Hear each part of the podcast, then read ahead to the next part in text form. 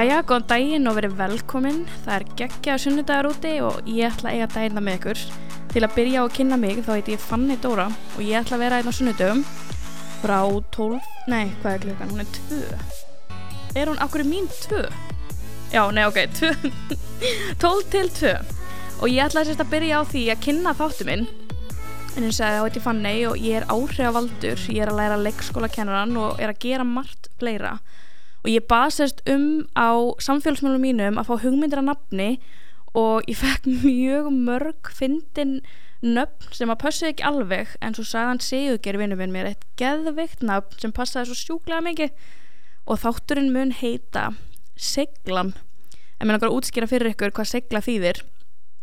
En það er hugran færni sem að gera okkur kleift að sigrast á hindrunum í lífinu en ekki láta þau slá okkur út af læginu heldur til dæmis finnum við eitthvað annað til að einblýna á eitthvað sem vekur áhuga okkar og þegar alltaf eitthvað jákvægt þegar hlutinni gengi ekki vel og sjá það góða í hlutunum. Hægt er að segja að fólk sem býr yfir seglu býr einnig bjart síni og trúir því að veröldin sé staður sem hægt er að hafa áhrif á.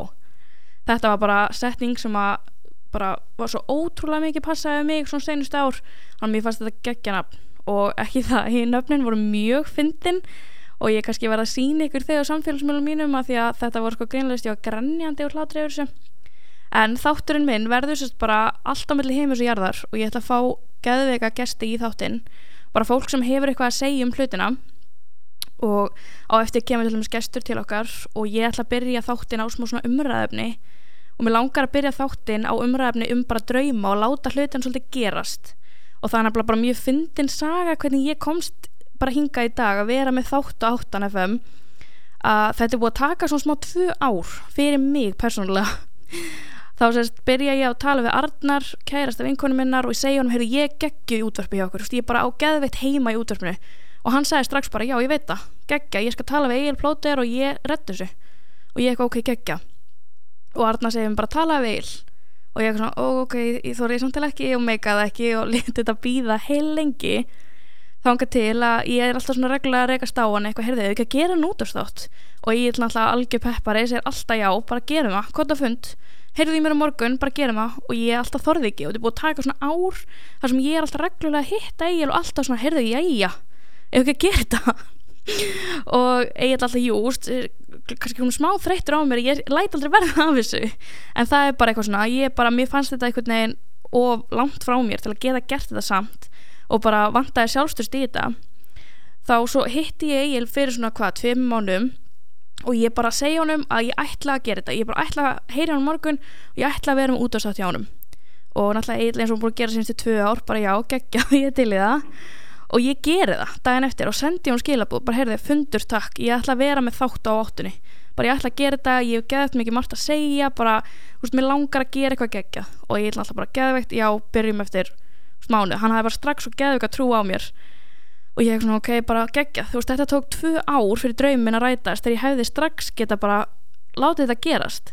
Og ekki það, ég trú ótrúlega mikið á það. Ef að þetta hefði átt að gerast fyrir tveimur árum þá hefði það gæst, en maður verður líka að hugsa um það þannig að það getur enginn látið drauman sinna rætast nema þú sjálfur. Og þetta á bara við um allt. Og ég, þetta er eitthvað sem ég er bara að tilenga mér ótrúlega mikið. Að mér langar í eitthvað þá næ ég í það og svo þarna, þetta þurfti bara tvö ár í pepp frá sjálfur mér og öðrum til að gera þetta. Og ég er samt alltaf að segja já ég gekk á þessu, ég er ekki gekk á þessu. Alltaf að peppa sjálfa mig í staðan fyrir bara að keira hlutin í gang. Og þess vegna ætla ég að tala þess betur um draumalíku eftir hérna við gestin sem hann kemur eftir sem hún Silja. En hún er einmitt með ótrúlega flott verkefni í bíkjari og sér. Og það er bara svolítið sem þetta verður. Þetta verður bara svona þáttur um spjalla mellir heimins og jarðar. Bara fólk sem að býr yfir þessum seglu eiginleika svo þetta passi nú ansi vel inn í. Ég tökum kannski bara lag núna og höldum svo áfram með umræðafnöð smá.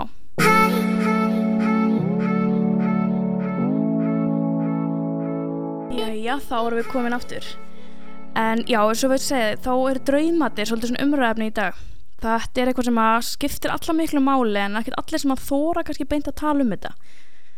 Maður svona vill oft halda draumunum sinni fyrir sig og þóra ekki að segja það upp átt en svo senstu þrjú ár þá er ég búin að vinna í því að segja draumanum mínu upp átt alltaf að segja draumanum mína að þá líður mér svona svo ég sé líklegri til að láta á rætast.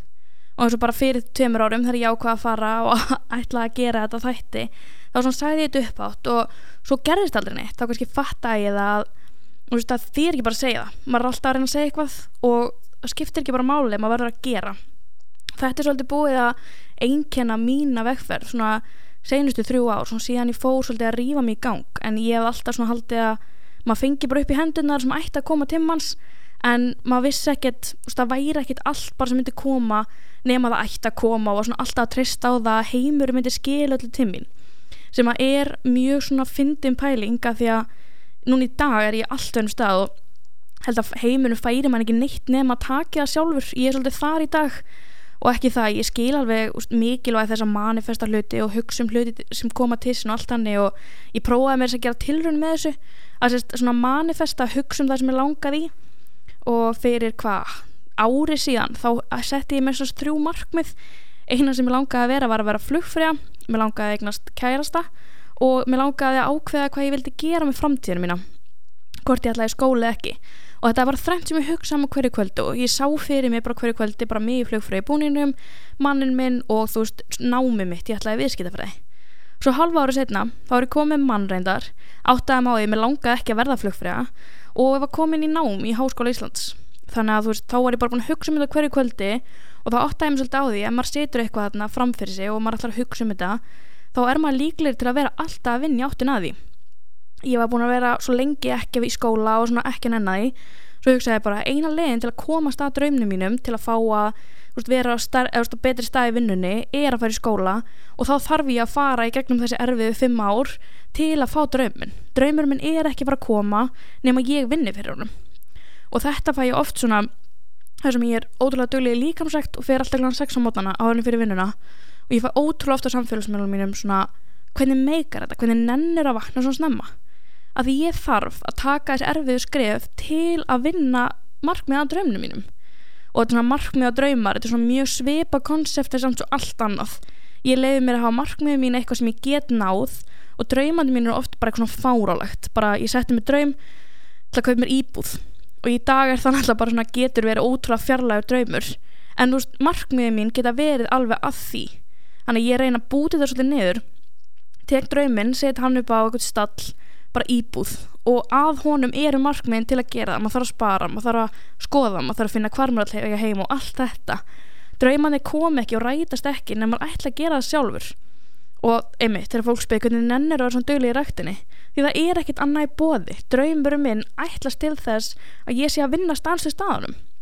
Þetta er bara greinlega svo einfalt og alltaf er að heyri fólk bara að mér langar að vera í betra formi eða mér langar að vera betur stæði í vinnunni. Það er bara einlega til að gera og það er að vinna ógeðslega harkalega því. Segi, þetta tók mér tvö ár ég hefði getið verið byrjuð með útastátt fyrir ári síðan. En að einhver leiti þá er bara geggja að gera núna ég er svo akkurat tilbúin í þetta núna líka.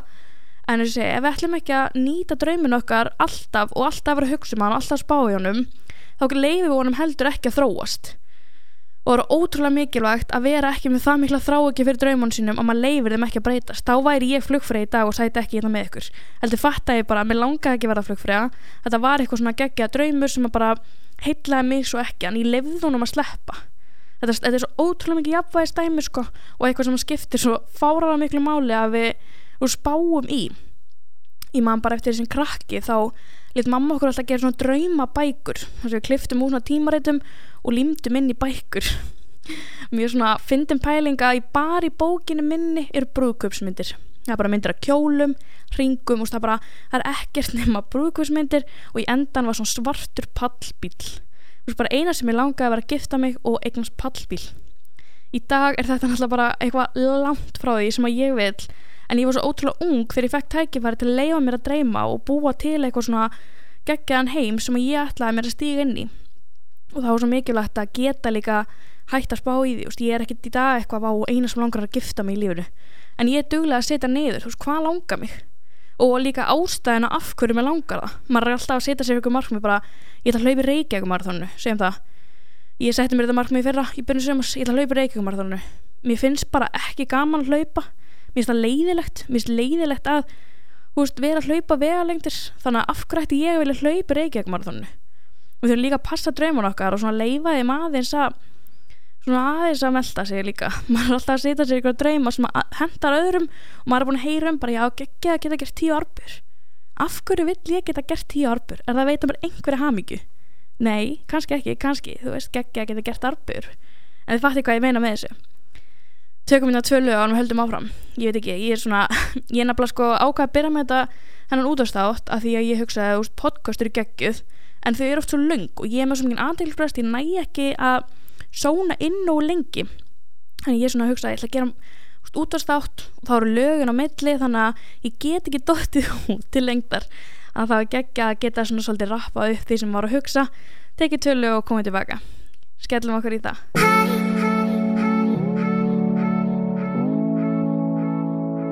Það sem ég langaði líka að gera það er geggja viður og þetta er svo fullkominn dagur til að setja þessu markmi ég, svona, ég elska sunnudag mér sunnudag er svona fullkominn dagur til að keira sér í gang og svona smá að velta í þeirri sér hvað maður vill.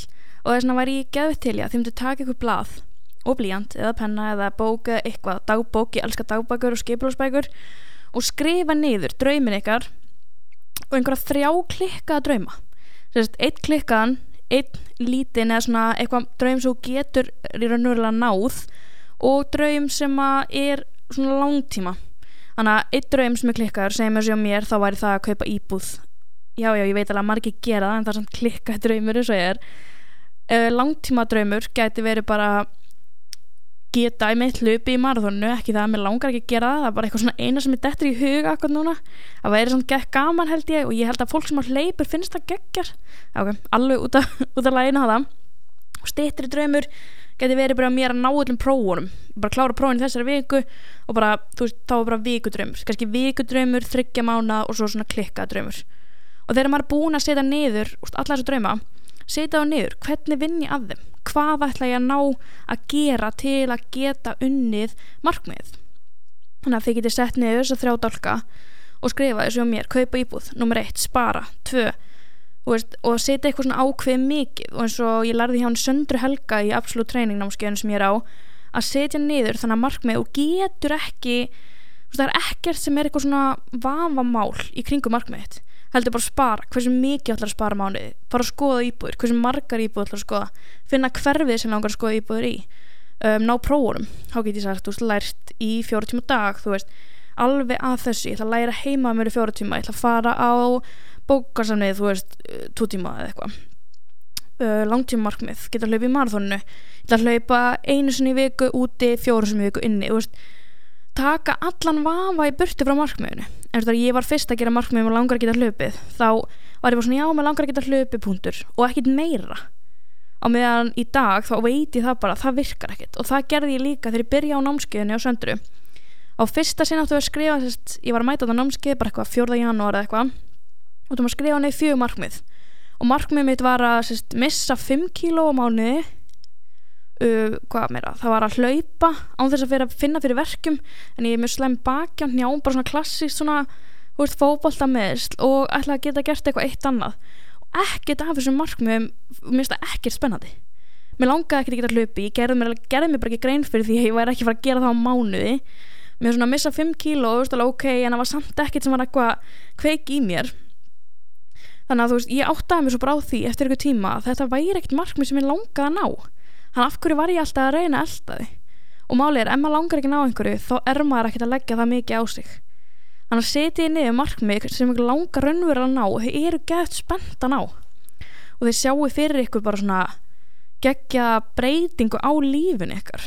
Þannig að bara námskeiðin eftir það þá fór ég að skrifa markmiðið mín og veist, bara mæta á alla tíman að kl. 6.15 á námskeið og geta tekið meira í nebi að mér finnst það skemmtilegt og allt í einu var ég fann að ná markmiðum sem voru bara eitthvað svona svona ná markmiðunum mínum og draumunum mínum sem ég var geðveitt spennt að ná.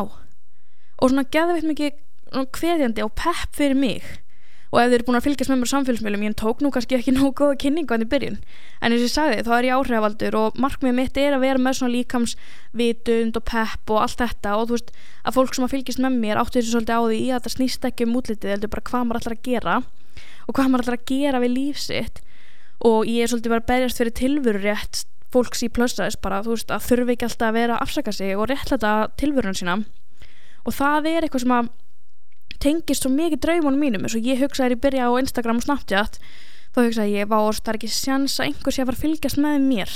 Ég er bara svo gett venjuleg stelpa ekkert eitthvað einstaklega svona, einstaklega hinstegin, ég bara geða veitt venjuleg svo allt í henni var þetta fólk var að koma að fylgjast með mér. Þar því að draumurum minn var þessi og ég var bara með markmið. Ég bara ætla að vinna við þetta. Þetta ætla að vera að vinna mér á samfélagsmiðlum. Þá fór ég frá því að vera eitthvað svona reyngin har fylgjast með mér, alltaf gett feimin og alltaf gett svona stressuð. Frá því að vera bara, ég postaði, ég á um blogg postaði bloggfæslu þrísverju viku, ég postaði Instagram annarkveð dag, ég var með eitthvað í gangi að snabbt þetta hverjum degi og þú veist ég var bara að vinna stöðugt að því að fólk myndi vita hver ég væri. Sem að borgaði sér alveg. Og ég þurfti að fara í gegnum svo ótrúlega margt erfitt. Ég man bara ennþá eftir um mig svona vandralegt smá að segja eða fannst það að þegar hann að ég sem sagt sendi fyrsta fyrirtækinu mínu hvort það væri til að vera með gjafaleik. Sist, ég var ekki samstöru með neinum, ég var bara sveka nýbyrjuð og það var ekkit orðið svona þeng, svona samfélsmiðlar á Íslandi. Og ég fæ bara, húst, nei takk, við getum ekki verið í samstarið með þér núna, duturu og ég bara eitthvað, oh my god, svo vandrarlegt bara, ég trúi þess ekki, bara þau sagði nei, bara hérna og svo í dag þá heiklust sendi, ef við vil fara í samstarf ef við vil eitthvað nökkvið fjallarinn áttunni, hann er umbótsmaður minn og ég sendi honum post, ég bara heyrðu nökkvið ég passa svo akkurat hérna með ykkur veist, ég vil að þið sé að representa mig þið er að gera góða hluti, ég er að gera góða hluti og vissi bara nákvæmlega hvað ég vildi. Og hann var bara sammála því.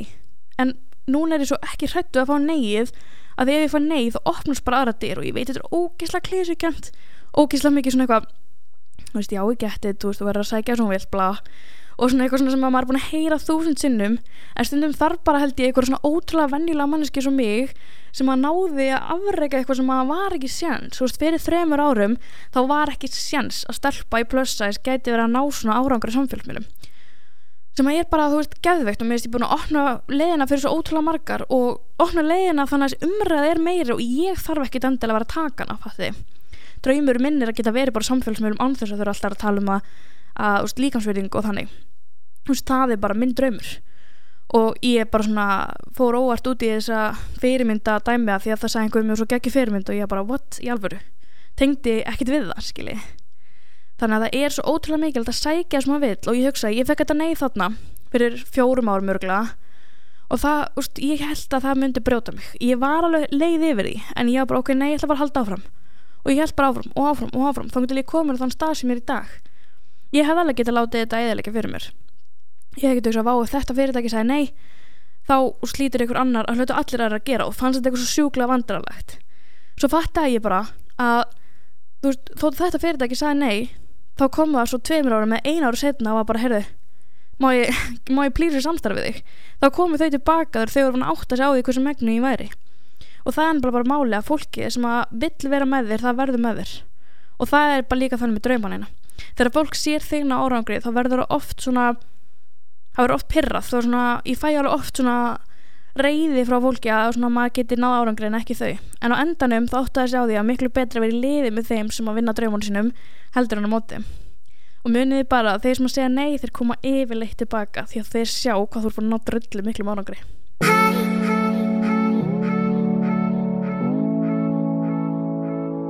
Jæja, smá svona vasspásin á milli. Muni að drekka ná vatni í dag geggja veður, ég var ekki alveg að tíma að setja þetta inn í stúdíu en svo hugsaði ég bara ok nú ertu bara að láta kvíðan tala. Típist ég eitthvað svona nei, ég megin ekki, ég rætti þið ég var alveg sko, ég var svo rólegri komin inn í stúdíu svo sætist ég niður og ég sagði Egil, ég þarf bara, úst, ég er að stresskúka á mig líka við. Já, líka gott hjá mér að byrja fyrsta þáttum í þessu. En, sérstu, við erum líka alltaf að láta dreyman okkur stoppa okkur og við erum alltaf að láta fólki í kringum okkur stoppa okkur. Og sem ég hugsaði er að ég er kannski með fólk kringum mig sem er ekkert alltaf eitthvað ég á að gera það gera það, heldur svona eitthvað hmm, fara vera rólega, svona durur eitthvað svona. Passaði þig og eitthvað svona. Og sem ég hugsaði bara er að af hverju er ég umgækjum með fólki sem er ekki bara já, bara já fólk og þá fatt að ég er ég jámannskja er ég að peppa aðra? Er það ég sem er að setja þú veist mörkin mín og segja þú veist við aðra já? Peppa fólk sem að getur ekki unni á draumun sem sjálft. Og þá fatt að ég að kannski mér að kenna að ég er ekki að umkringi með jámannskum því ég er það ekki sjálf. Og núna er ég svo mikið jámannski að kemur stundum í baki á mér því ég bara bókum með svona sjöfundi eina því ég bara já, já, ég ætla að gera það, já, geggjað. Og þú veist ég á með svona reglu einu sunnudagurinn einu dagur sem ég vinn ekki sunnudagur og núna er ég að vinna á sunnudum af því það er bara svona eina leiðin í átta markmiðinu mínu. Og ég, ég er svo mikið jámannski að ég er búin að draga fólk af mér sem er líka jámannskjur og þegar fólk er að reyna að gera lít úr draumunum mínum þá er ég bara, já, veist, ég er bara ekki alveg sammálar og veist, ég held að það er geggja, ég ætla að gera þetta. Og þá er einhver sem að segja eitthvað, nei, ég held ekki. Bara eitthvað, "Í- já, ok, auðvitað.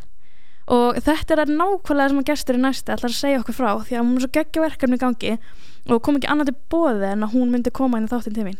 Það ná í hana, hún er eitthvað smá vilt innan fyrir utan því kannski takið til að lega með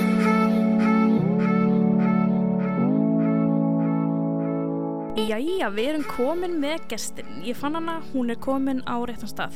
Ég er kannski fara að býðir að kynna þig. Já, uh, takk hérlega fyrir að bjóða mér að koma hérna í fyrsta þáttinn. Já, Þetta er ótrúlega spennandi. Ég heit sérst Silja Björk og ég veit ekki hvernig ég á að titla mig? Ég er bara svona, Rítuðundur já ég er rithöfundur Mhm. náttúrulega, eða já, verðandi rithöfundur og uh, aðtapna kona, skulum bara segja Já, það. já, mér finnst það geggja orð. Mm -hmm. Ég er spáði að vera það líka frekar en áhrifaldur Já, Mér það geggja Aðtafna kona. Það líka er ekki félag fyrir aðtapna, nei, nei, það eru konur í atvinnuvegi eða eitthvað. Já, Já, auðakað ekki? Jú, jú, já. Við Við- stopnum bara félag aðtapna hvenna Já, einmitt, aðtafna kvenna á Íslandi. Mm -hmm. Nei, þú er samt að gera gett mikið að góðum hlutum sko. Þú ert að gera, þú ert að fara að út bók. Já, sem bara eitthvað rústaði söfnunin sinni. Já. Bara bjóst enga með við því Sko, já, ég syns að þetta er að fara að gefa út bók og ákveða að gera það gegnum Karolína Fönd. Mhm. Ég var búin að senda handritið áfram á nokkuð forlögu útgefundur og fekk annarkvort bara neitanir eða um, eða þá fólk vildi svona breyta bó bókinni of mikið. Já, Þannig að ég ákveða að gera þetta bara, taka þetta bara í mínar einn hendur og gera þetta bara sjálf og setti þess að söfnun á stað 1. apríl Mhm. á Karolína Fönd og náði 100% söfnun sem voru 3000 eurur sem er 410.000 íslenskar krónur á fjórundum sem Já. er geðvegt og þetta gerist alls ekki oft. Nei, ekki svona, svona háar upphæðir á svona stuttin tíma. Og hvað þá einhver bók um þunglindi. Geðveikt, þetta er bara svona trill líka bara, það sýnir svo mikið hvað þetta er þarft málum akkurat. Og þú ert þess að tala um bara geðran vandamál. Já, í bókinni þá bara almennt. Bara yfir höfuð já, sko. Ég hef verið að gera þetta alveg svona on off síðan ég greindist 2000 og, ég- já, ég greindist 2012 ég byrjaði svona að tala um þetta opinberlega svona hálfa ári síðar í janúar 2013 mhm, og ég er búin að vera svona on and off að tala um þetta bara núna í hvað, 6-7 ár. Einmitt. Við nefnilega, já, ég var reyndar ekkert búin að segja en við erum svona kvíða pésar báðar. Já, Svo svolítið svona Svolítið svona kvíða það er svo krútlegt að segja það eins og það sé ekki að krútlegt eitthvað svona, já, bara svo kvíða bara kvíða pjæsinn já, svona aðeins að gera svona Já, þú bauðst mér sérst að vera með svona í auglýsinga eða hvað myndi kalla þetta? Já, ég í auðlýsingaherferðinni Já. fyrir, hérna, fyrir bókina. Einmitt, og ég þurfti ekkert að vita meira en bara vilt vera með, bara geggja, já. Það var enda geðveikt sko. Já, ég var, svo, ég var að segja það, ég er bara svo mikið jámannskja Ef ykkur er að gera geggjaðan hlut þá er það bara alltaf já. Veist, og ég finna bara eftir að byrja með útastáttin og reyna að finna fólk til að koma fólki sem að vill koma er alltaf bara já, geggja akkurat. Ég gerir bara hvað sem er til að koma. Maður á að vera jámanniska sko. Mhm. ég er að fann það bara Algjörlega. um leið og ég var jámannskja þá eru allir í kringum jámannskjur það þóra enginn segja nei við jámannskjur nei, það er nákvæmlega. bara þannig. Algjörlega. Og það er líka held ég sem að þú þekkir og maður er svo, maður er svo mikið kannski jámannskja orðin allt í einu eftir að veri svo mikið neymannskja lengi. Að algjörlega. Það tekur, það er, tekur orku sko. Að- bara, vá, já, ekkert smá. Og bara, þú veist að átta sig á því að vera ekki að skilur eigða einmitt tíma og orku í að vera að pyrra sig út í einhverju Mhm. hluti sem þú kannski stjórnar ekki Einmitt. sérstaklega þegar mann einmitt hefur verið þunglindur og hefur gengið í gegnum svona ótrúlega mikla læg þar sem að þú ræður ekkit við uh, mannlíðanina þá einhvern veginn þrái maður svo að vera já típa og vera Mhm. hamingjusamur og þú veist geta farið fram úr á mótnana og staðið upp og þá einhvern veginn tekur maður öllu fagnandi, þú hættir Já. einhvern veginn að taka lífinu svo sjálfsögum hlut, má Algjörlega. segja þú veist, þegar þú ert búin að upplega hvernig það er að líða svo nýtla það er maður svo fegin þegar mann líður vel Mhm. og ég tala líka oft um það sko, að versta sem ég uppliði í mínu svona eh, dýfsta þunglindi bara var ekki að líða illa heldur að líða ekki já, líða ekkert Já, og vera bara alltaf einhvern veginn sama um Já. allt það var fokkin glata sko. Ég sko, þegar ég var veiktist fyrst þá var ég sagt, bara innan gæsalappa þunglind, ég Já. fekk ekkert kvíða fyrir miklu setna og svona þegar ég er að lýsa muninum á kvíða og þunglindi fyrir fólki þá er þunglindi svona að líða að vera bara alveg sama um allt vera bara svo slétt sama um allt ekkert skipti máli, þeir Mhm. eru alveg sama hvað gerist en svo er það alveg þver aug þegar þú ert kvíðin þá er það svo, já, þú veist, andum allt og vilt gera allt svo vel og vilt sjá um allt svo vel og vilt allt sé svo flott og frábært og aðeinslegt skilur að Ég það veit. verður vandamálið já þetta, þetta er svona- stangar svo sjúklega Já. mikið á hvort annað Já, þetta er svona tveir alveg andstæði pólar og þess vegna Mhm. er svo skrítið að þunglindi og kvíði haldist svona mikið í hendur Einmitt. að þú ert bara sikkur um einu á skalanum skilur Já, og maður líka bara, ég finn það svo mikið eftir ég var svona mikil, þú veist, já, mannskja og fór að taka svona svolítið til í mín lífi og því að ég hef alltaf svona sagt að, þú veist að maður, fólk segir, mann hættu bara að vera svona kviðin maður svona, þetta virkar ekki þannig þú veist, Nei. ég get ekki bara hætt að vera með Nákvæmlega. En samt svona á ákveðin hátt þá er þetta samt ótrúlega skrítið þegar maður hættur að vera svona mikið kviðin hvað maður, svona hversdagslega hlutir geta reyðið Já, en þegar maður er mjög þunglindur þá fattar maður ekki að bara vakna og búa rúmi sitt hjálpa manni, sko. Nei, einmitt að því að sko munurinn á þessu er er í grunninn að vera veist, leiður eða pyrraður eða svektur eða þreyttur eða whatever og vera veikur. Já, einmitt. Að því þunglindi er sjúkdómur. Mhm. og auðvitað skiptir attitude og þú veist jákvæðin og allt þetta skiptir alveg máli en þú læknar ekki sjúkdóma með því að sitja og hugsa um það að lækna þig, skilur Mhm. þess, vegna, þess vegna er svo hættulegt að segja þetta ó, startu bara upp, farðu bara út, gerðu bara hitt, gerðu bara þetta þú veist, það er Já, ertu engin búin að prófa að reyfa þig? Já. einmitt, eitthvað svona Já. hættu, varstu búin að spája að hætta þessu bara Já. ó já, nei, þú veist, ég var aldrei búin að pæla í því Geggja vá. revolution hana bara hvað, þú veist, til hvers eru sálfræðingar að fara í skóla skilur Nákvæmlega. þú er bara búin að crack the code hérna. Við getum og það er svo mikið það sem ég vildi gera þegar ég byrjaði að tala um þetta var að koma fólki og samfélagin í skilning um það að þetta er sjúkdómur Algjörlega ég vakna ekki einn daginn og hugsa með mér mm, ég ætla að taka þátt í þessari nýju tískubilgju sem, sem þunglindi er skilur þú veist Það pyrra mig líka að fólk segir eitthvað svona Það er líka bara allir svo kvinir í dag Og ég var bara, veistu af hverju við erum all kvin? Því að við erum með skilur þúsund hluti sem við þurfum að gera Við þurfum að vera aðtapnakonur Við þurfum að vera konur í námi Mhm. Þú veist, marga með börn, fjölskyldu Þú veist, við erum ótrúlega ungar, orðnum svo ótrúlega fullorðnar Mhm. Og stráka líka, alltaf ég get kannski ekki tala fyrir þeirra hönd. En þú veist, við erum að taka svo mikið á okkur Já. En ekkert að lengja tíman á því. Bara svo við tölum við um mentaskólinu og þrjú ár Eh, En sama efnið.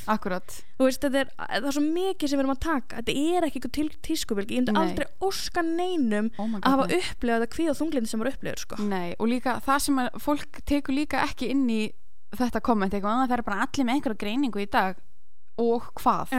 Veist, þetta er bara vegna þess að við erum að tala um þetta og við erum að opna umræðina og þá væntanlega poppa upp fleiri til þess að fá greiningu af því að núna er í lægi að vera með greiningu Einmitt. þegar ég vektist þegar ég var 17 ára fyrir 10 árum síðan þá var þetta ekki í lægi þú Algjörlega. varst ekki geðsjúklingur eða varst ekki þunglindur eða varst ekki á sálfræðingi nema þú veist að hafa lent í einhverju fáránlega áfalli eða eiga einhvern veginn innegn fyrir því eða Mhm. vera eitthvað svona virkilega þú veist, þú þurftir líka við bara að vera í spennitri það var ekki takt að vera bara einhver casual Man- venjuleg þunglyndissjúklingur, manneskja, skilurðu. einmitt.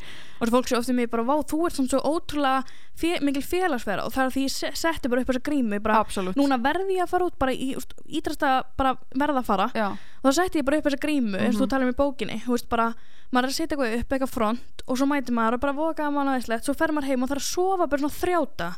Því það tekur svo mikið frá manni. Já, og þú ert að þykjast vera þú veist, þú ert að fela eitthvað leyndamál þú ert að fela hvernig þið líður í alvörunni og það er bara ókslerfið, það tekur bara óksla á. Og þú ert að, þú veist, einmitt, setja upp þessa grímur og þykjast vera einhver annar og þú ætlum að fara að spila eitthvað hlutverk mm og svo kemur heim og þú ert að halda áfram að leika þetta hlutverk kannski fyrir fram fjölskyldu eða maka eða eitthvað svo leiðis, þannig að er einhvern veginn hættir aldrei fyrir þú nærða að sofa og það er maður búin á því. Já. Mér finnst líka því að fólk tala oft um samfélagsmiðla og svo neikvæðan hátt að við séum bara sína glansmyndin og allt þetta en svo mörgu leiti á björgu samfélagsmiðla mjög svo mikið því að ég man eftir í fyrsta skipti sem einhver svona vissi hver ég var. Þá var ég búin að keira þú veist, í nýju tíma eitthvað. Og ég var á KFC þú veist, ég var bara grínlegust, ég var svona eins suppulega og hægt væri. Og ég bara, ég ætla að fá hérna kjúklingu eitthvað. Og, og hún er svona, oh my god, ég elska að fylgjast með þér, stelpan. Og þá var ég bara svona, oh my god, ég þarf að fara í algjör hlutverk. Ég þarf að vera ég, svona gepp heppi og hvetjandi eitthvað. Og svo kom ég heim og ég var bara, ég ætla alltaf að máli, ég ætla alltaf að gera fíndur og bara setti mér svo reglur svo ég svo, ok, þetta er ekki fyrir að ganga. Ég er ekki þessi típa Nei, mitt, og fyrir mér það voru samfélagsmiðlar svo mikið leið til að brjóta þetta. Akkurat. Og já, já, ég er alveg með glansmyndir og ég sitt alveg myndir á Instagram þegar ég er ekkert eitthvað 100% hamingisum en fyrir mér er það svo geggjur leið til að geta sínt fram á þessa tilfinninga líka. Akkurat. Þannig að ég til samfélagsmiðla ekki af slæma þótt að það getur þetta alveg verið í alla Já, öfga, já, bara eins og allt annað skilur Mhm. þú veist, það er ekkert fullkomið í þessum heimi. Einmitt. en samfélagsmiðlar hjálpuðu mér líka til dæmis mjög mikið, bæði bara að opna umræðina og uh, opna umræðina fyrir sjálfur mér og öðrum eins og Mhm. þegar ég setti á stað hérna, ég er ekki tabúherferðina 2015 Einmitt. þá ákveða við svolítið að taka bara vald samfélagsmiðla aftur í okkar hendur og segja bara, heyrðu, af hverju erum við endalaust að posta einhverjum uh, ræktamyndum og hverju ég var að borða og hvað ég var að taka í bekk og hvað ég er óslar hraust og deila einhverjum greinum um, þú veist, hvað rauðvin, eitt rauðvinsglas er holt fyrir þig og eitthvað svona Einmitt. en þú ert aldrei að tala um hvernig þið líður í alvörunni eða hvernig tilfinningar þínar eru eða hvort þú sért bara, þú veist ókslega þunglindur, akkur er aldrei tekna selfies á sálfræðingum eða þú veist á geðdildin, akkur er það eitthvað tabu Mhm. akkur eigum að fela það Einmitt. og það sem var svo gull fallegt við ég er ekki tabu herferðina var allt í einu var fólk á öllum samfélagsmiðlum Facebook, Twitter, Instagram, allir að tala um þetta og maður var að sjá fólk tengja, þú veist, einhver bóndi skiluru, þú veist, á Östurlandi sem var að opna sig í fyrsta skipti, bara einhver miðaldra kall var að segja sömu hlutin en einhver tvítu stelpa í Vestló Einmitt. þú veist, þannig að þannig er þetta alltaf og, og leifa fólki að sjá ok, ég er ekki einn, Mhm. ég er ekki að gera þetta einn ég er ekki að berjast við þetta einn, ég er ekki eina manneskjan sem líður svona, þetta er ekki óeðlilegt Einmitt. og svo kemur það bara upp á daginn þetta er bara lindamáli hver einustu skilur við Einmitt. og líka bara svona svo veist, maður, maður fær svona fordóm fyrir sjálfur sér ég tala svo oft um þessa fordóma bara þess að maður upplifir svona fordóm fyrir sjálfur sér svo ég er bara veist, ótrúlega fótbollstelpa, þú veist, alltaf gengið vel skóla bara svona ótrúlega mikið bara venjulega stelpan í, veist, við, í húsinu hliðina á, sko bókstallega bara. En þú veist, svo hugsa ég, veist, mér liður svona og bara ég meik ekki segja hérna, því þetta er svo skriðan tilfinningar og það er enginn uppleita Mhm. svo kemur mann ég í herferðin ég man ég var á Twitter og ég var bara eitthvað svona what, fólk sem ég leitt geð mikið upp til eða svona geð töff típur, þær voru bara að upplega nákvæmlega saman og ég. Mm -hmm. og þá var ég svona, ok, það þarf ekkert að komi fyrir mig til að mér líði svona. Akkurat, það er svo mikilvægt að fólk átti á því að þú þarft ekki að hafa einhverja innegn fyrir því að vera veikur Einmitt. alveg sama hvað það er, þú veist, þú getur fengið lúnakrabba minn þú hefur aldrei reykt síkaretu og þú getur orðið þunglindu þó þú hafir ekki lendin einu áfalli eða þú veist, mm -hmm. eða, eða, já, eða guðum þetta hvað, skilur nákvæmlega þetta er nefnilega, þetta er ótrúlega snúi og þetta fara svo margar áttir með þetta og svona, maður finnur alveg í, þegar ég byrja á sálfræðing sem ég byrja ekki fyrir en í, í fyrra, Mm. þótt að ég sé búin að vera veik þetta lengi bara, þú veist, mér, ég var með svona fordóm fyrir því. Mér fannst bara að fara til sálfræðings var bara svona loka úrræði og ég sérst ákvað að gera þetta bara sjálf og ég hugsaði með sjálfur mér bara, ég ætla að gera þetta sjálf ég ætla að gefa mér þetta þrjú ár. Ef ég er ekki hann hamingi sem að fullkomni þrjú ár þá fer ég að gera eitthvað. Þá fæ ég- ég einhverju utankomandi aðstöð og svo þremur ára setna þá er ég búin að gera þetta ég er búin að byggja samfélagsmiðla mína og gera ótrúlega margt en ég finn mig samt inn á, á skristu og lækni og er bara hágrándi yfir í kveikviðin og þá var ég svona, ok, þetta er ekkert sem ég stjórna. Ég Nei. þarf utankomandi hjálp. Akkurat. Einhvern sem að getur bara bókstala sagt, þú veist, það Mhm. er ekki þú veist, þetta er ekki óeðli tilfinning. Og það var svo mikið frelsi fann ég þegar ég fór til sálfræðings satt á mótinu og ég hugsaði bara hvað ég að segja henni? Veist, það er aldrei komið fyrir mig og duttur, duttur, bara hérna.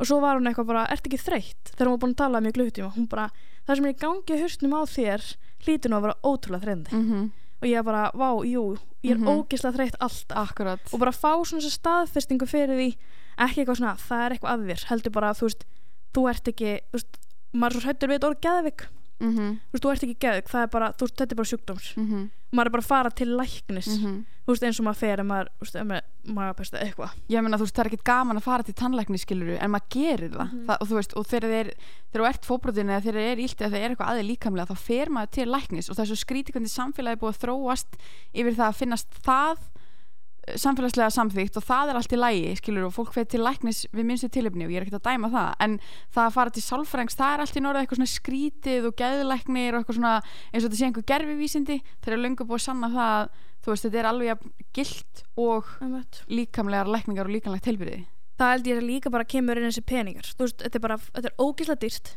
og þetta er bara eitthvað sem að er ekki hlupið að ég mann þegar ég var sem veikust var ég bara í námi mm -hmm. og ég bara, ég átti ekki peningin mm Mhm. til að geta farið, vissi ekki hvert ég átti að leita Nei, og kemur ekki nema bara því að ég tweetaði þarna úr ég er ekki tabu og sérst, það sendi mér stelpa bara að ég vildi mæla með þessum sálfræðing mm. -hmm. geggjuð bara þú veist, En það er mæli samt með svo skrítið að maður hugsa út í það af hverju er samt þú veist, af, þetta er svo mikið pólitísk umræða svona Mhm. út af fyrir sig skilur af hverju er þetta ekki inn í heilbyrðiskerfinu af hverju er ekki heilsu jafn rétti á milli, milli líkamleira heilsu og andlegra heilsu, af hverju lendir andlega heilsan alltaf eitthvað á hliðinni?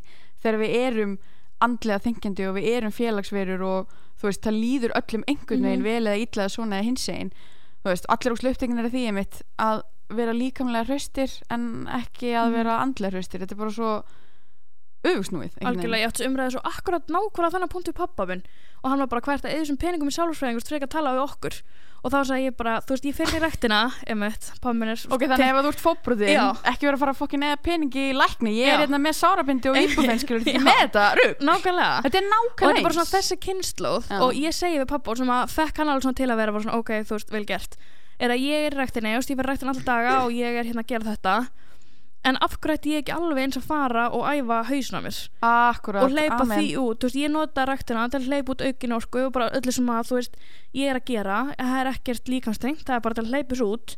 Af hverju ætti ég ekki líka að gera líkamlega? Mhm, þá var hann bara ok, já, make sense. Og þetta er líka bara, held ég að geta frætt þessa kynnslu um það, mhm. að þetta er bara tækifæri sem þau höfðu ekki. Þú Akkurat. veist, að geta leið sér, ég ég átti heima á Ísafjörði náttúrulega bara litlum bæ og til sálfræðings var bara svona þú veist, það var bara ekki sjans Nei, já, þú veist, ég veit ekkert hvað sálfræðingurinn var eða er en það var potið 90% líkur 99,9% líkur að hann vissi hver þú varst Mhm, hvernig þú veist, og hann vissi allt um þig mhm. og það var bara, ég man bara þvílíkt tabú að fara til sálfræðing Já. það var líka bara eitt sálfræðingur, ég er ekki svo vissum að sé sálfræðingur núna sko, eða hvað. Þannig að þú veist, það er líka bara það er svo mikið hindrunum sem að meika engan sens. Nei, það er alveg rétt, sko. Það er alveg rétt. En við, þú veist, það sem er hægt að gera er að maður verður bara að halda áfram að tala um Mhm. þetta og okkar kynnslóð og kynnslóðin sem kemur eftir, vonandi, veist, þetta er búið að breytast svo ógeðslega mikið, Mhm. allar umræður eru opnast svo ógeðslega mikið veist, það er ekki lengra síðan og ég nú hljóma eins og eitthvað risaðila það er ekki lengra síðan heldur en tíu ár síðan ég var busi í mentaskóla og þetta var bara það fjárstæðu kendist það í heimi en í dag eru bara, þú veist feministafélög og geðheilbriðisfélög og Mhm. hinn og þessi félögin í öllum mentaskólum og það eru sálfrænga komnir inn í einhverja mentaskóla þú veist, þetta gerist kannski hægt en þetta er Já, að breytast. og bara það að geta núna opinberlega sagt á samfélagsmiðlum eða bara uppátt við fjölskylduna herðu, sorry, mér lifur illa. Mhm. skiluru, það er svo frelsandi.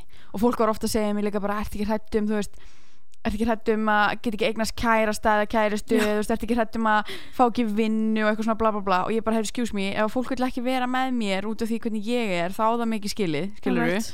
þú eru bara að taka mér eins og ég er Algjörlega. og ef að fólk allar ekki fara að ráða vinnu af því ég er þunglindisjúklingur, þá er það líka þeirra vandamál skiluru, Einmitt. þú veist, ég þarf stundum að taka svona sálfræði heilsu eða svona andlega heilsudaga bara nákvæmlega eins og ef maður væri með kvefi eitthvað. Og þú vilt ekki hafa mannesku í vinnu sem er að drefast úr þunglindi nákvæmlega þú vilt ekki hafa mannesku í vinnu sem er Mhm. með flensu eða opið beinbrot skilur Einmitt. mér varst það líka bara svo geggja þegar ég byrjaði sérst, að tala við eiginlega minna þátt. Og ég segi bara, ég er að fara að tala um andli málefni ég er að fara að tala bara um nákvæmlega sem að manneskjan kemur er að tala um, þú veist, það bara getur verið allt og hann bara veist, bara veist, 20 strákur, 25, 26 Mhm. ég, sorry, ég veit ekki hvað gammal en, veist, og hann hefði geta verið bara, æ, veist, við erum alveg svona svolítið svona með hip-hop stöð, veist, það passar ekki alveg inn í okkar en hann bara geggja, talaði bara um nákvæmlega hún vilt. -hmm. og það var ég stressum þegar ég byrjaði með svona fara að vera eitthvað svona, já ég er að fara að tala samt um andlega hilsu, líkamlega hilsu og hann bara gegja, þú veist, bara tala um nákvæmlega hún vilt. En það áður líka að vera þannig við verðum að tala um alla króka og kema mannlegar tilveru -hmm. bara til þess að reyna að skilja hvað við erum að gera og við eigum bara, óslega mikið klísja við eigum bara eitt líf og hvernig ætla Mhm. maður að lifa þessu lífi? Nákvæmlega. Og þú veist ég man þegar ég var svona ógeðslega veik og ég virkilega, virkilega, virkilega trúði því og það er þú veist það sem að gerist þegar maður er þunglindi maður fyrir að trúa alls konar vittlisu og þetta er svo skrítin sjúkdómur af því allt inni fyrir heilin á þér sem er helsta líffæri og maður á að trista best skiluru allt inni fyrir heilin að segja einhverja bara tómaþvælu og maður Já. er bara já þetta er alveg rétt þér ég er, þú veist, ég er ömurleg Mhm. og engum þykir vænt um mig og allt sem ég hef gert eru mistök og ég á ekki skilja að vera til og allar þessar klikku hugsanir og þú veist maður þarf svo mikið að vanda sig við einhvern veginn einhvern veginn að einbytta sér að því þú veist, þú ert að komast upp úr þessu og ég trúið ekkert að það væri hægt Einmitt. og þegar ég man þegar ég var búin að fara til sálfræðings í fyrsta skipti og var alltaf svona wow, býtu, það bara slökna öllum þessum hugsunum og ég er ekki að velta mér upp úr öllu og þú veist og mér líði bara svona allt í læg þú veist, það var Mhm. bara mánudagur og ég fór bara í skólan og svo kom ég bara heim og þú veist, fekk mér að borða og ég var ekki að drepast já, og ég þurfti að læra upp á nýtt að vera hamingisum og leifa mér að vera Mhm. hamingisum sem var mjög skrítið. Og stóð að læra að brosa í alvörunni ekki bara einhver svona fake grímu einmitt. brosið sem ég hafa búin að æfa. Þú veist að finna þetta innra með sér aftur. En það er hægt. Já, þetta er klárlega þú veist, þetta er eitthvað sem að bara búið bú, bú breyta lífinu áttam á því að lífi er ekki bara eins og það er og þá bara er þannig. Akkurat. Þú veist, maður er ekki bara eins og maður er af því bara. Þú veist, Nei og ef það er eitthvað að sem þú vilt breyta þá hefur engin annar nema þú vald til þess að breyta Tökum nokkuð lög og höldum svo áfram með sömur aðu.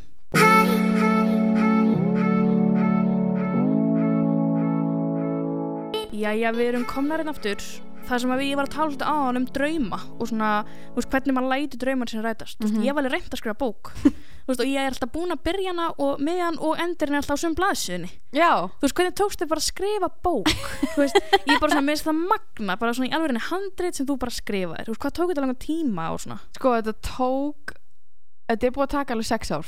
Ok, En það er nú kannski ekki eitthvað svona eðlileg meðganga fyrir eina bók. Mhm. En þetta byrjaði Þetta er nú kannski aðeins auðvöldar fyrir mig Því að ég hef alltaf verið að skrifa Ég hef alltaf skrifað Og þetta er náttúrulega ekki skáldsaga, þetta er svona sjálfsæfiskeiðsaga þetta er um mig, mína sögu, mitt þunglindi. Þannig að það Já. er svona aðeins auðveldar kannski að segja frá því, eða finnst mér um, og þetta er í rauninni byggt á dagbókafæslum sem að ég átti og sem að ég skrifaði á meðan ég var á geðdildinni og eftir ég kom út á geðdildinni í sumari 2013 ok, og ég nota svolítið skrifin bara til þess að svona finna nýjan fókus og svolítið koma hlutunum frá mér.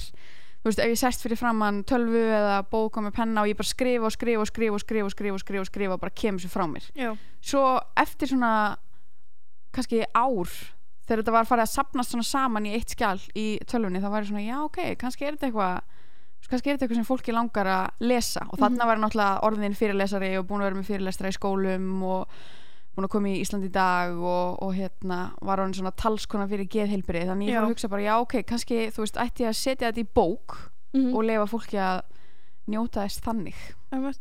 Mér finnst það bara eitthvað svona trillt veist, ég, ég, mér finnst geggjað þegar konur eru að gera það sem þær vilja gera mm -hmm. þú veist, alveg geggjað líka að strákar og mennur að gera það sem vilja en mér finnst eitthvað, annað geggjað að geta bara skrifa bók og bara gefa hann út þú veist, þú hefði líka getað látið stoppa þig þú veist, allir sögðu nei, þú veist, þú ættum Mhm. ekki fjallum hana ég gerði það alveg á tímabili Já. sko. þú veist, ég fór alveg mega lægð eftir það af því að, þú veist þá hugsaði ég bara svona, ó, þetta er glata þetta er ekkert gott og ég fekk svona svona imposter syndrome Einmitt. og þú veist, hugsaði með mér bara, já, þess, það, er bara, það er enginn að fara að að lesa þetta en, að ég veit ekki, svo bara varði ég ólétt og fór í svona spiritual ferðalag og meðan ég var ólétt Mhm. og öðlega svona nýtt einhvern veginn svona nýja sín á lífið og ákvað bara segja pínu bara screw it. Og bara gera þetta. Og ef þetta tekst ekki þá tekst þetta ekki en þá reyndi ég að minnsta kosti. Veist, hvort viltu gera það, hvort viltu reyna að gera hlutina? Taka stökkið og sjá hvað gerist og, og þú veist, ok, kannski taparu en þá þarf ekki að lifa allt lífið hugsandi ok, hefði ég átt að prófa að gera þetta eða hefði ég átt að gera þetta svona eða ég vildi ég hefði látið þetta og hitt rætast. Mm Já, bara ég var að tala um áðan þegar ég fekk fyrsta neyið mitt mm þú veist, þegar ég var í þessu, var að byrja samfélagsmiðlum og fæði fyrsta skipti svona, nei, við getum ekki þú veist, við erum í samstæði með þér. Þú veist, að ég var bara að sækja mín einn tækifæri og það var svona tveir mánuður sem ég var bara, ég er ömurleg. -hmm. bara ég er ömurleg. -hmm. og svo bara fatta ég að það myndi enginn vita af þessu nei þetta nei var ekkert að broadcast út í heiminn. Þetta fyrirtæki vissi það ég vissi það, punktur. Akkurat. Og þannig að þá fór ég að vera bara veist, ertu að djóka, það, mm Mhm. það mun aldrei neitt vita af þessu nei þannig að ég fór bara halda fram og halda fram og halda fram þangað til að fyrirtæki gátt ekki lengur hunsa mig. Eða ekki hunsa mig, þau, þau urðu að taka eftir mér. Já, akkurat. Þú veist, maður þurfti bara að vera í harkinu þú veist, þegar fólk segir pay your dues. Mm þangað til að eitthvað fór að koma. -hmm. sem að mér er svo geggja því að þú veist, það er svo ótrúlega auðvelt að láta eitthvað slá sig niður. Já, og ef maður langar ekki nógu mikið í það þá gerir maður það. Þá leifir maður því alveg að negla sig niður í örðina sko. algjörlega. Og það er ekkert grín að gefa út bók eins og þú segir, þú gerir þetta á svona söfnun eða þannig, þú veist, þetta hefði geta verið glataferli, þú veist, ógislega lengi þetta og hefði það. mistekist. Einmitt. skilur við, þú ert svolítið maður er að taka svona hérna, leap of faith, þú veist, þú ert svolítið að setja sjálf með þarna út og þú, þú veist, ef að, ef að þú vilt virkilega láta eitthvað gerast, þá verður stundum bara að taka lífið í þínar eigin hendur Einmitt. það er bara þannig og það er ótrúlega erfitt að takast á við höfnun alveg sama hvernig hún kemur Mhm. og í bókinni tala ég líka alveg um það þú veist, ég tala um sambandslít og ég tala um alls konar hafnanir og hvernig mér fannst mér svona svolítið vera hafnað af samfélaginu að vera svona veik en hafnanir og höf, höfnun er eitthvað sem allir þurfa að díla við Einmitt. og það, það lif, fólk lifi það af Mhm. og eftir að ég sérstaklega eftir ég var ólétt og eftir ég endaði í, hérna í bráðakeisara þá veist, þa- það var svona höfnun fyrir mig af því að ég ætlaði svo mikið að vera einhver svona jókafæðingu og þú veist, eða óslega mikið að falla myndum og, og þú veist, þetta átti bara að vera fullkomið sko. Og svo allt í henni bara var þvílíkt inngrip og læknar og bara rúss og mér fannst ég vera svo mikið feiljur, mér fannst Mhm. mér hafa svo mistekist og akkur get ég ekki fætt bara eins og allar aðrar konur. En þegar ég fattaði bara að þetta er úr þínum höndum og allt sem að kemur fyrir þig skiptir máli, hefur áhrif á þig hvort sem það er mikilvægt eða lítilvægt eða andlegt eða líkamlegt eða whatever, allt sem kemur fyrir þig hefur áhrif á þig. Og alheimurinn er bara að reyna að segja þér eitthvað. Mhm. þú átt bara að gangi gegnum þetta til þess að læra eitthvað. Og ég Einmitt. gerði það líka með þunglindið ég man þegar ég kom út af geðdildinni 2013 þá var ég búin að skrifa nokkar greinar og var búin að halda nokkar fyrirlestra og var svona, þú veist, búin að tala um andlegt heilbriði og ég hugsaði með mér bara þú ert bara búin að eiginlega allt allan kredit sem þú ert með, þú getur ekkert farið að tala um geðheilbriði núna, búin að reyna að fremja sjálfsvíg og Já, búin að vera ná geðdild bara þú ert bara búin að eiginlega á mannorðið þitt. Einmitt. og ég lappaði út af geðdildinni man ég hugsaði með mér bara, þú veist, það er ekki nokkuð lifandi maður sem fær að vita það að ég hef verið einn inni, sko. Svo bara fyrir einhverja fáranlega tilvíljum fór ég bónus rakst á hérna einhverja kunningakonu mín og hún bara, vá, ég er nú ekki bara búin að sjá þig þú veist, tvær vikur, ég að ég var hann á geðdild Já, bara eldir í út já. um mér og svo bara, ó, ok já, mm, þú veist, smá vandralegt en Mhm. var samt einhvern veginn svo þægilegt að því var bara, ok, þú þarft ekkert að fela þetta Já. og það að hrasa á detta niður eða mistiga þig þýðir ekki að þú sér búin að tapa Einmitt. þú stendur bara upp aftur og ég held sér líka þú veist þegar við erum að díla við svona höfnun er að þú veist það er ekstra vond þegar maður er með höfnunina og þú ert að setja sjálfa í frontir þú veist, bókin er um þig Mhm. og þitt líf og þá er svo ekstra erfitt að fá höfnunina það er það sko og bara svona upplega kannski þetta er svona persónlegt Já, sko. þú veist, maður er að setja sig þann út en ef þú verður að gera, þú veist, skálsög eitthvað þá væri bara bókin um einhverja mannesku þú veist, það er svona allt öðruvís það er öðru söfnu sko. Svona, er vond, þess vegna svo auðvelt að setja upp grímuna það er ekkert mála fá höfnunu grímunni. Nei, veist, ég fann það þegar ég byrjaði á samfélagsmiðlum þá setti ég upp þessa grímu. Það var ekkert mál því mér fannst ekkert eitthvað vandralegt að fá höfnunu manneskinu sem ég var að þykjast vera. Einmitt. en svo um leið og ég var að vera ég þá var að fá leiðileg skilabóð þú veist, þá er það svo fáralega mikil höfnun. Mhm. bara vá, þessi manneski fílar mig ekki persónulega, bara, þú veist, fanni Dóri bara manneskjan fílar mig ekki. Veist, það var eitthvað svo sjúklega erfitt. Mhm. en samt svo mikilvægt að læra í dag þá tekið bara svona ég fæði þetta loft svona, vá, færði ekki mikið að leiðilegum skilabóðum samfélagsmiðlum. Alveg, þú veist, jú, en ég túlkaði ekki svona leiðileg Mhm. þú veist, fólk getur alveg sendis og ég fæði alveg oft bara svona að vita, þú veist margt um mig sem ég vissi ekki greinilega, þú veist. En ég er svona, þú veist, ég tekur þessu ekki sem höfnun af því að ég er nógu sterk persóna, þú veist, jú, ég leiði mér að vera svegt yfir því, þú veist, ég tek svona, ok, ég ætla að vera hálftíma og ég ætla að vera að leiða þessu, svo er ég hægt að leiða þessu Mhm. en, þú veist, höfnunin er svo allt önnur af því ég er ekki að hafna sjálfur mér. Akkurat. Og þú veist, ég næ ekki að fara ofan í þess að ótrúlega mikla þing, bara þunglindis, bara svona, ég kalli þetta svona dalega þannig, Já, þú veist, ég fer ekki svona langt niður. Nei. heldur leiði mér að hlaupa anga og svo aftur upp. Já, og mér finnst það svo mikill munur á bara lífinu og bara með draumana sína er að svo maður getur látið að stoppa sig að hanga það lengst niður í dalnum. Mhm. og ég elska myndlíkingar sko, ég er bara svona sjúki oh my myndlíkingar. god, þú mátt elska þessa bók sín Já, einmitt, ég líka verið las fyrst annar blæsinu sem ég talaði um, þá var ég bara eitthvað, what, ok, ég spennt. Þú veist að þú veist, maður á bara ekki að leifa sér að hanga þarna lengst niðri og þú veist, með því að komast þannig upp er að fá hjálp. Mhm. þú veist, er að díla við sjálf sig og er að horfa í augu, bara horfast í augu við það. Þú veist, lífi er ekki svona svart og hvít Nei, akkurat. Þú veist, manni líður ekki bara vel að illa. Það Nei. er alltaf lægi að vera þinn á milli. Það er alltaf lægi að gráta. Veist, það er Algjörlega. alltaf lægi að vera sár. Tilfinningar eru bara eðlilega veist, tilfinningar eru bara partur af því að vera til og vera manneska Emmett, og þú veist þegar ég byrjaði með fyrirlestrana þá var ég að fara í hérna, grunnskóla og hugsa með mér ok, það er að setja þetta í einhverju svona umbúðir sem að þú veist, krakkar eru að fara að tengja við og eru að fara að skilja, þetta Einmitt. 8. 9. 10. bekkur og ég bjóð til svona mynd í paint af stiga og þú veist, mjög svona mjög, mjög hérna professional mjög profesh og hérna fór þess að tala um þetta, þú veist, lífið er bara eins og stíi, þú veist, þú ert bara mismunandi stöðum í stíganum, Mhm. neðsta þrepi er bara þessi þunglindis lægð, efsta þrepi er bara bestu Já. skilur og það er ekki raunverulegt, þú veist, það er ekki realistika að ætla að lifa alltaf í efstu tröppunni, veist, lífið er ekki Hollywood bíómynd, Mhm. þú getur ekki verið alltaf á toppnum, stundum ertu bara í miðjunni stundum maður leiður en það sem maður er að gera þú veist það sem maður verður að gera er að festast þeim þetta ekki n- í Mhm. neðstu tröppunni og átt að sjá að það er hægt að príla upp.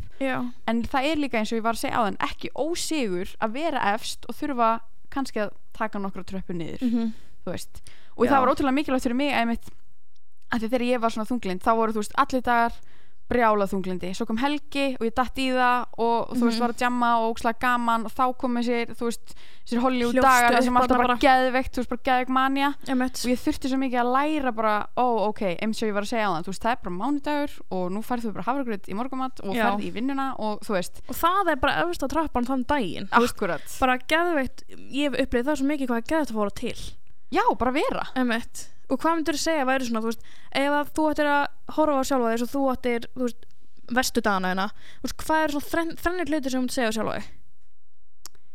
wow, Mic drop, mic drop. Spurning dagsins. Spurning dagsins. Sko, maður þarf bara fyrst og fremst að nota alla vöðva í líkamannum til þess að vera góður við sjálfan sig. Mhm.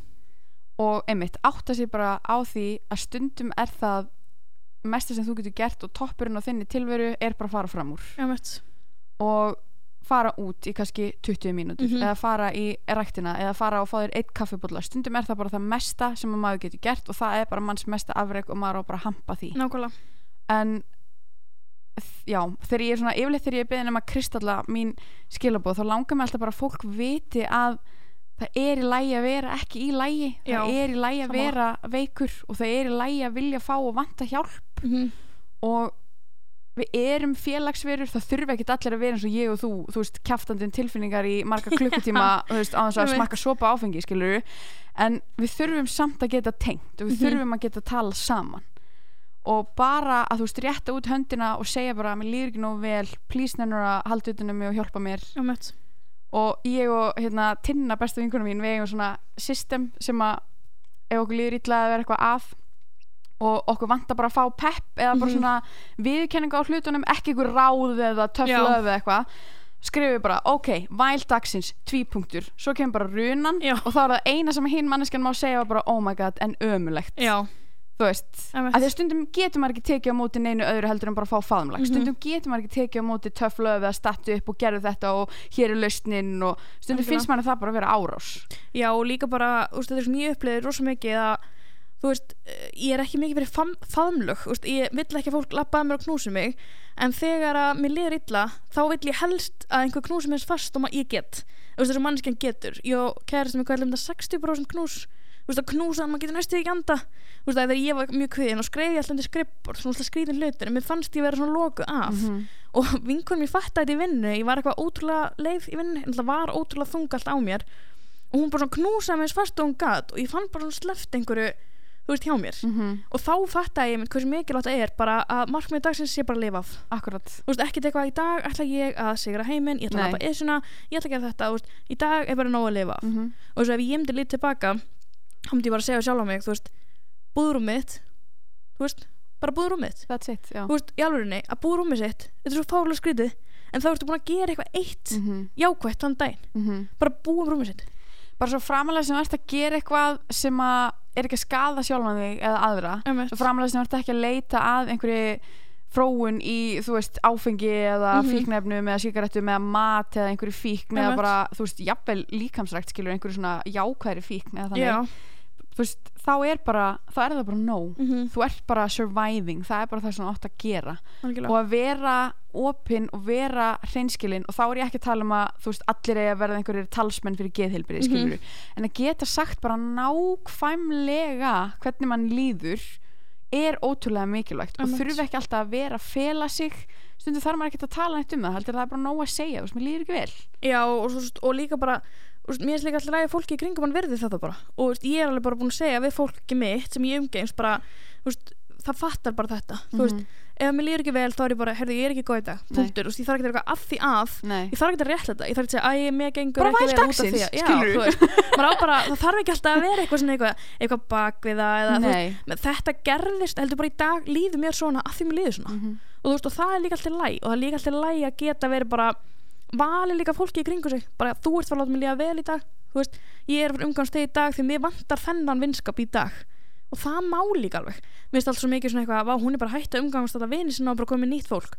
Og það er því að þetta fólk er að fara að hjálpa henni inn í daginn sinn. Mhm. og veist, maður á að umkringa sér fólki sem að er á sama stað og maður Mhm. sjálfur. Og ég finna líka bara því að ég er svona geða eitthvað peppar ég, veist, ég elska að peppa fólk. Bara svona ég elska, þú veist, ég verð svona ráðmögnu þú veist, ég bara elska að segja fólki þú veist, hvernig getur verið best útgönn sjálfur sér? Þú veist, ég þarf að taka eitthvað bara heila þáttum þetta ég, bara, ég elska það. En ég finn líka alveg hvað það tekur mikið frá mér. Veist, ég er að gefa svo mikið og svo kemur heim og ég sef bara. Mhm. þú veist, að það tekur svo mikið frá manni. Þú veist, að vera með tilfinningar tekur ógeðslega mikið. Oh my god, preaching to the choir. Já, og maður svona maður líka þegar maður er alltaf að tala um geðbrjóð alltaf eitthvað svona verið andlega og drur, eitthvað, alltaf peppa alltaf að segja fólki, veist, að það sé jákvætt og alltaf að vera veist, það þarf maður líka að passa upp á sig og sitt svona, Mhm. sitt tilfinningarsvið Mhm. maður getur ekki gefið svona ógeðslega mikið án þess að taka nýtt tilbaka nei, nákvæmlega það er alveg magna sko. og þess vegna er svo mikilvægt að einmitt, eiga, eiga þessi samtöl við fólkið í kringum sig þú veist, hvað þarf ég að fá frá þér nákvæmlega akkurat núna og stundum þarf maður ekki að fá neitt Mhm. stundum ætla maður að vera til staðar fyrir annar fólk en stundum þarf maður líka á því að halda fólk sé til staðar fyrir mann Einmitt. og það er líka allt í lægi að segja þú veist, ef einhver kemur til þín með einhver vandamáli eða eitthvað issue, þú, þú veist, það er þá í lægi fyrir því að segja, veist, að ég er bara ekki andlega standi til þess að díla við þetta núna ég Mhm. Nákvæmlega. er ekki á þeim stað svona þú veist, vá, ég er alltaf að hjálpa henni vinkunum minni eða vini og ég var aldrei tilbaka en maður á ekki alltaf að vera að segja eitthvað nú til að fá okkur tilbaka og ég var með, með fyrirlæstur í grunnskóla og þá segir einhver eða svona, nei, mann ekki hvað ég var. Og þá var svona, vá, ég er alltaf að hjálpa þessari vinkunu en hún hjálpa mér ekki tilbaka og ég segi, það er kannski bara því að hennar andlegi staður er þannig og hún getur ekki tekið þínu. Þú veist, það er alltaf lægi að vera bara ég get ekki tekið meira á mig. Mhm. þú veist, mér bara, það er bara að venda þinna eigin hagsmunni Mhm. og það er líka alltaf læg já, já, þú veist að vera bara, heyrðu, sorry, ég bara get ekki. Akkurat. Bara, við þykir ótrúlega til að gangi gegnum eitthvað erfitt en ég ætla ekki að taka þetta til minn þetta snýst, þú veist maður getur, getur talað um þetta í margar hringi en í Mhm. grunninn snýst þetta bara um að vera hreinskilin. Og það er bara stærsta leksíðan sem ég hef lært og það að vera það að vera þunglind og það að vera kvíðin og það að gangi gegnum allt þetta allan enn skít og allan, allan enn viðbjóð skilur það kendi mér meira um sjálfa mig, um Mhm. lífið og um bara manneskjur heldur en ég hef nokkuð tíðan getað lært í einhverju bók eða einhverjum skóla. Nákvæmlega. Og að þekkja sjálfan sig svona vel út og inn og alltaf að vera að læra eitthvað nýtt um sjálfan sig líka er svo ótrúlega dyrmætt já, og það að hafa bara opna fyrir þetta og leift sjálfur mér að vera einmitt bara 100% hreinskilin þetta tekur svo mikið Mhm. stress og bara, já, tekur ammanni kvíðan og og nákvæmlega geta verið bara, heyrðu, þetta er bara ég take it or leave it nákvæmlega, geðið við gleði til enda þetta veit mm -hmm. en Silja, hvar getur fólk, þú veist, söfnur er ennþá í gangi eða Já, ekki? söfnin er í gangi til 13. mæ um, og það er ennþá hægt að fara inn á Karolínu Fönd og finna vatnið, gríman og geltið Ok. eða bara finna mig Silja Björk Björnstóttir á samfélagsmiðlum Mhm. og þá get ég séð uh, ég ætla að posta viðtalinu þínu í dag á morgun Woohoo. Þá get ég séð en það er hægt að kaupa bókina eða styrkja verkefnið og það væri geggjað að ná allavega upp í 100 stuðningsmenn ég held því 96 stuðningsmenn oh my god, ég er ekki ennþá búin að átta á þessu síðu sko. Oh my god. Ég er að fara í þetta eftir, því máli alltaf, ég er eitthvað, vá, ég hef svo langan tíma. Svo er alltaf, oh my god, það er bara að klárast, er það eru bara 8 dagar eða eitthvað eftir ok, sko. ég ætla að gera þetta eftir. Já. Þannig að endilega bara skelli ykkur inn á Karlinufönd Mhm. og kaupið eitt eintaka af vatni gríman og geltið. Jafnvel splæsi áritun ef þið eru í stuði. Ú, Ú. ég er til það. Yes, svo verður geðveikt útgáfapartí í sumar eða haust Ok. þegar að bókin kemur út. Geggjað. Við látum vita því hérna betur. Takk æðislega Silja Takk fyrir að bjóða mér Jæja, ég vil þakka henni Silju æðislega fyrir þetta viðtal, þetta var geðveikt og þetta er svona nákvæmlega sem ég langar að þátturinn sé. Bara að fá einhverja geðveika viðmældur láta spjalli bara svolítið ráða. Ég ætla bara að vera duglegri að fá fólk að duglegri, þetta er fyrsta þáttur minn, ég get kannski ekki verið duglegri ég ætla að vera dugleg að fá fólk sem hefur eitthvað að segja og mér langar endilega að þið bara sendi á mig að það er eitthvað fólk sem ykkur langar að heyra frá og taka bara svolítið svona spjall sem að skipti máli. Og ég ætla að finna fólk á alls konar stöðum í lífinu sem að getur komið og hvart mig og ykkur og hefur eitthvað að gegja að segja. Þetta, þe- þannig að við því munið að siglan verður alltaf hérna á sunnudum kl. 12 til 2 og ég heiti Fanny Dóra og verð hérna með ykkur. Með geggjum bara geggjuð fólki, ég er svo gett ánað ég er, svona, ég er sko svo hátt uppi að því að þetta bara gegg svo fáralega vel og svo ætlum við líka að klippa þáttinn þannig að hann getur orðið podcast þannig að þið getur hlusta á hann eftir setna í vikunni vonandi. Eigið alltaf að redda þessu hérna fyrir mig. Þannig að við getum hlusta á þáttinn aftur og aftur og orðið fyrir innspói hvert þeim skipti. Ég bara er ótrúlega ánægð með þetta og spennt að heyra hvað eitthvað finnst. Þið getur alltaf sendt mér á samfélagsmiðlum. Ég heiti fannidoro.com á Instagram. Þar getið þið fylgst með mér og bara fengið meira peppin lífið eitthvað vonandi. Ég er alltaf að reyna að segja eitthvað að vita að þinni þannig að þið getið þá fylgst með því þar. Og bara, eins og segi, látið drauman eitthvað rætast farið inn í þessa viku og hugsið hvað vill ég að verði úr þessu lífi? Af hverju er ég að lifa þessu? Þú veist, hvernig get ég átt að besta líf þú veist, átt besta lífið mitt? Þetta er, bara, þetta er svona einfalt. Sem þau langum bara að hrista fólk og segja bara lifðu besta lífinu að því þess að segja oft lífið bæði ofstutt og oflangt til að lifa því ekki svo við viljum lifa því Þú veist, þegar ég meina með þessu er að þú veist, lífið er vonandi á ég veist, 80 ára eftir eða eitthvað. Og ætlar að vera hvað 100 og eitthvað ára?